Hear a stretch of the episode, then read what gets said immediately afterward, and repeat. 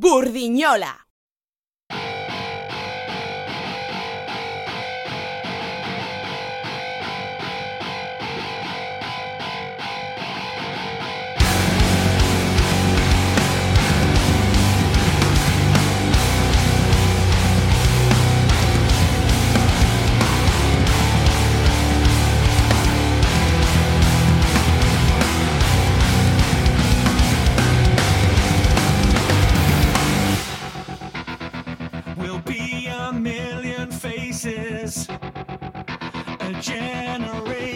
lost a path of self destruction. The Taurus runs amok.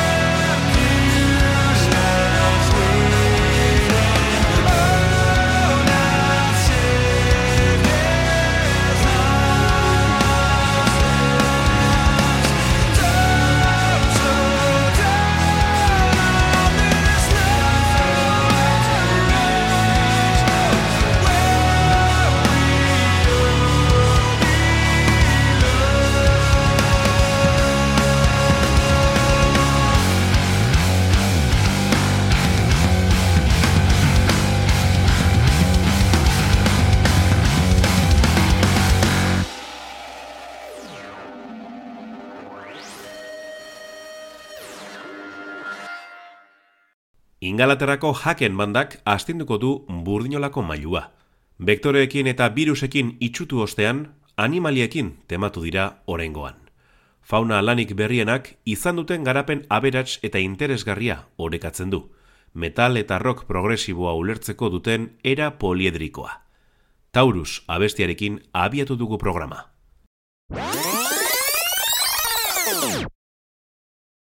Gaztetatik elkar ezagutzen zuten hiru musikarik Haken izeneko talde bat sortzeko ideia izan zuten 2000 eta lauan. Richard Henshall, Matthew Marshall eta Ross Jennings elkarrekin jotzeko elkartzen ziren, baina ideia hura ez zuten orduan aurrera eraman. Hiru urte beranduago gertatu zen, 2000 eta zazpian. Hiru lagunek beste hiru kiderekin osatu zuten banda. Two Mera taldeko Tom McLean basu jotzailearekin, interneteko foro batean topaturiko Peter Jones teklistarekin eta Raymond Hearn bateriarekin. Boskoteak 2000 eta zortziko Enter the Fifth Dimension maketan bildu zituen pixkanaka grabaturiko kantak. Arrera ona izan zuen musika progresiboaren zaleen artean. Horri esker, Sensory Records diskoetxearekin sinatu eta 2000 eta amarrean Aquarius estraineko diskoa argitaratu zuten. Ordurako, Marshallek eta Jonesek taldea utzi zuten, eta beraien ordez sartu ziren Charlie Griffiths gitarrista eta Diego Tejada teklista. Ona hemen, Eternal Rain.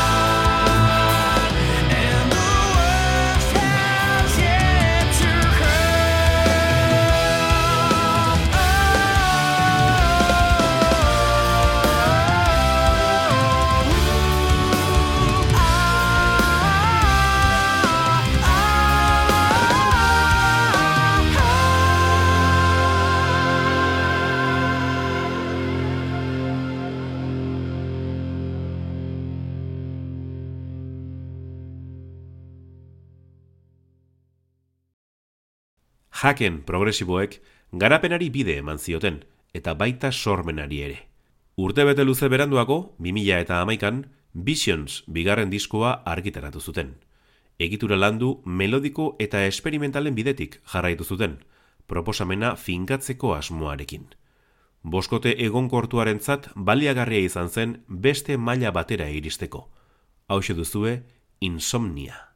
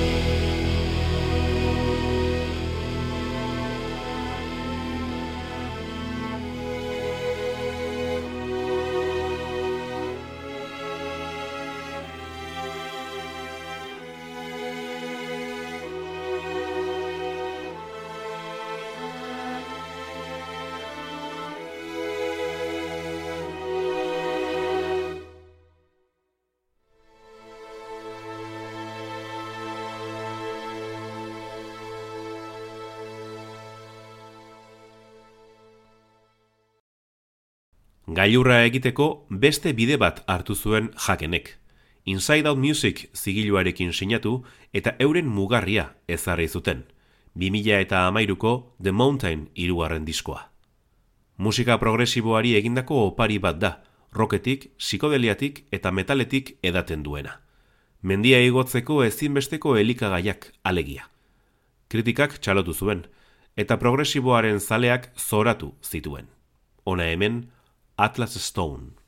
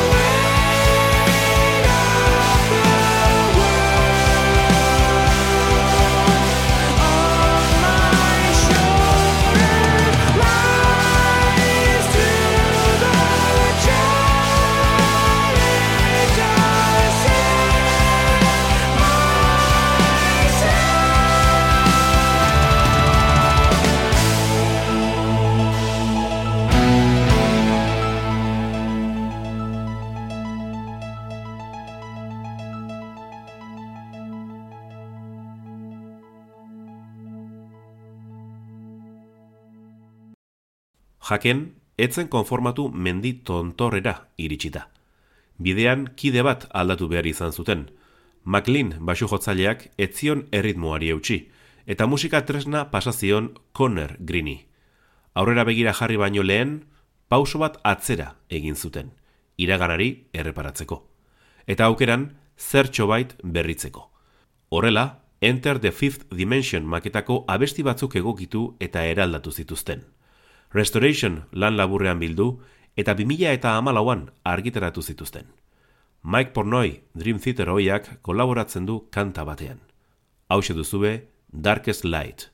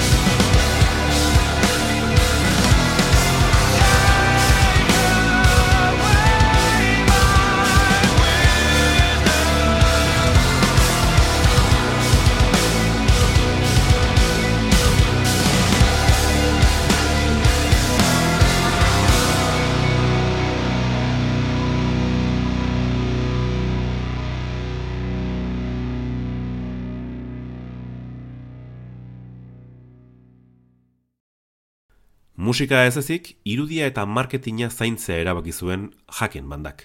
Webgunea, larogeiko hamarkadako sistema eragile bihurtu zuten laugarren diskoa promozionatzeko. Jolas gisara eta sareak baliatuz, zaleen interesa bizirik mantendu zuten. Azkenik, 2000 eta amaseian plazaratu zuten Affinity lana.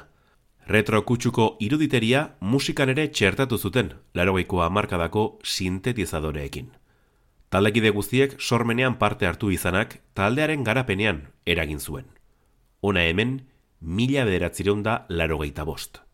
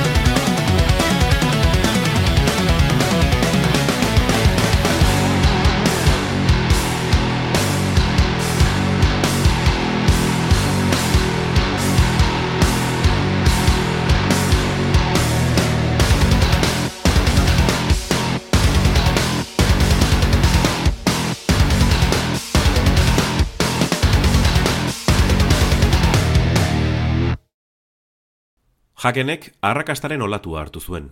Hasieretako tabernak agertoki garrantzitsuenekin ordezkatzeraino.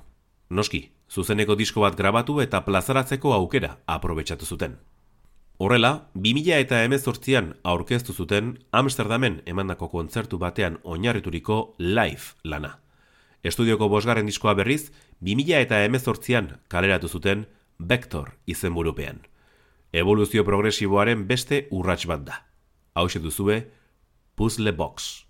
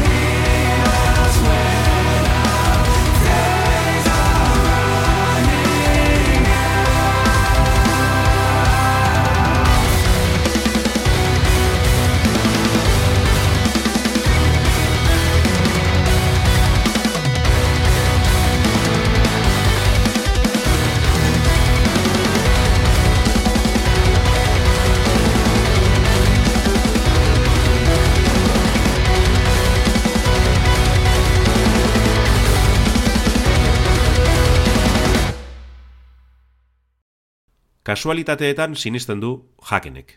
Jarraitzaileek ordea zalantzak dituzte. Vector lanaren jarraipen gisa, abesti berriak konposatzen hasi ziren. Beraiek aitortu dutenez, seigarren diskoari virus izenburua jartzeko ideia pandemia iritsi aurrekoa da. Halere, pandemia betean argitaratu zuten, 2000 eta hogeiko uztailean. Kasualitatea izan edo ez, itxialdiko soinu banda bihurtu zen askorentzat. Bestalde, Tejada teklistak grabatu zuen azken lana izan zen, eta haren lekua Jones kide izandakoak hartu zuen. Ona hemen, Invasion.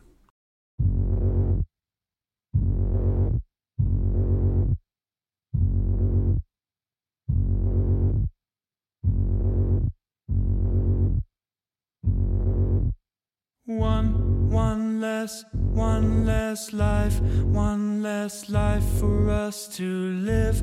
Holding, holding on, holding on to something real. If these, if these walls, if these walls could talk to me, what if all these eyes only saw what they believed? Too heavy, heavy hearts, heavy hearts refuse to beat. When my, when my words, when my words fall on deaf ears. If your, if your soul, if your soul could cry for me, what if all we give is all we ever get to keep?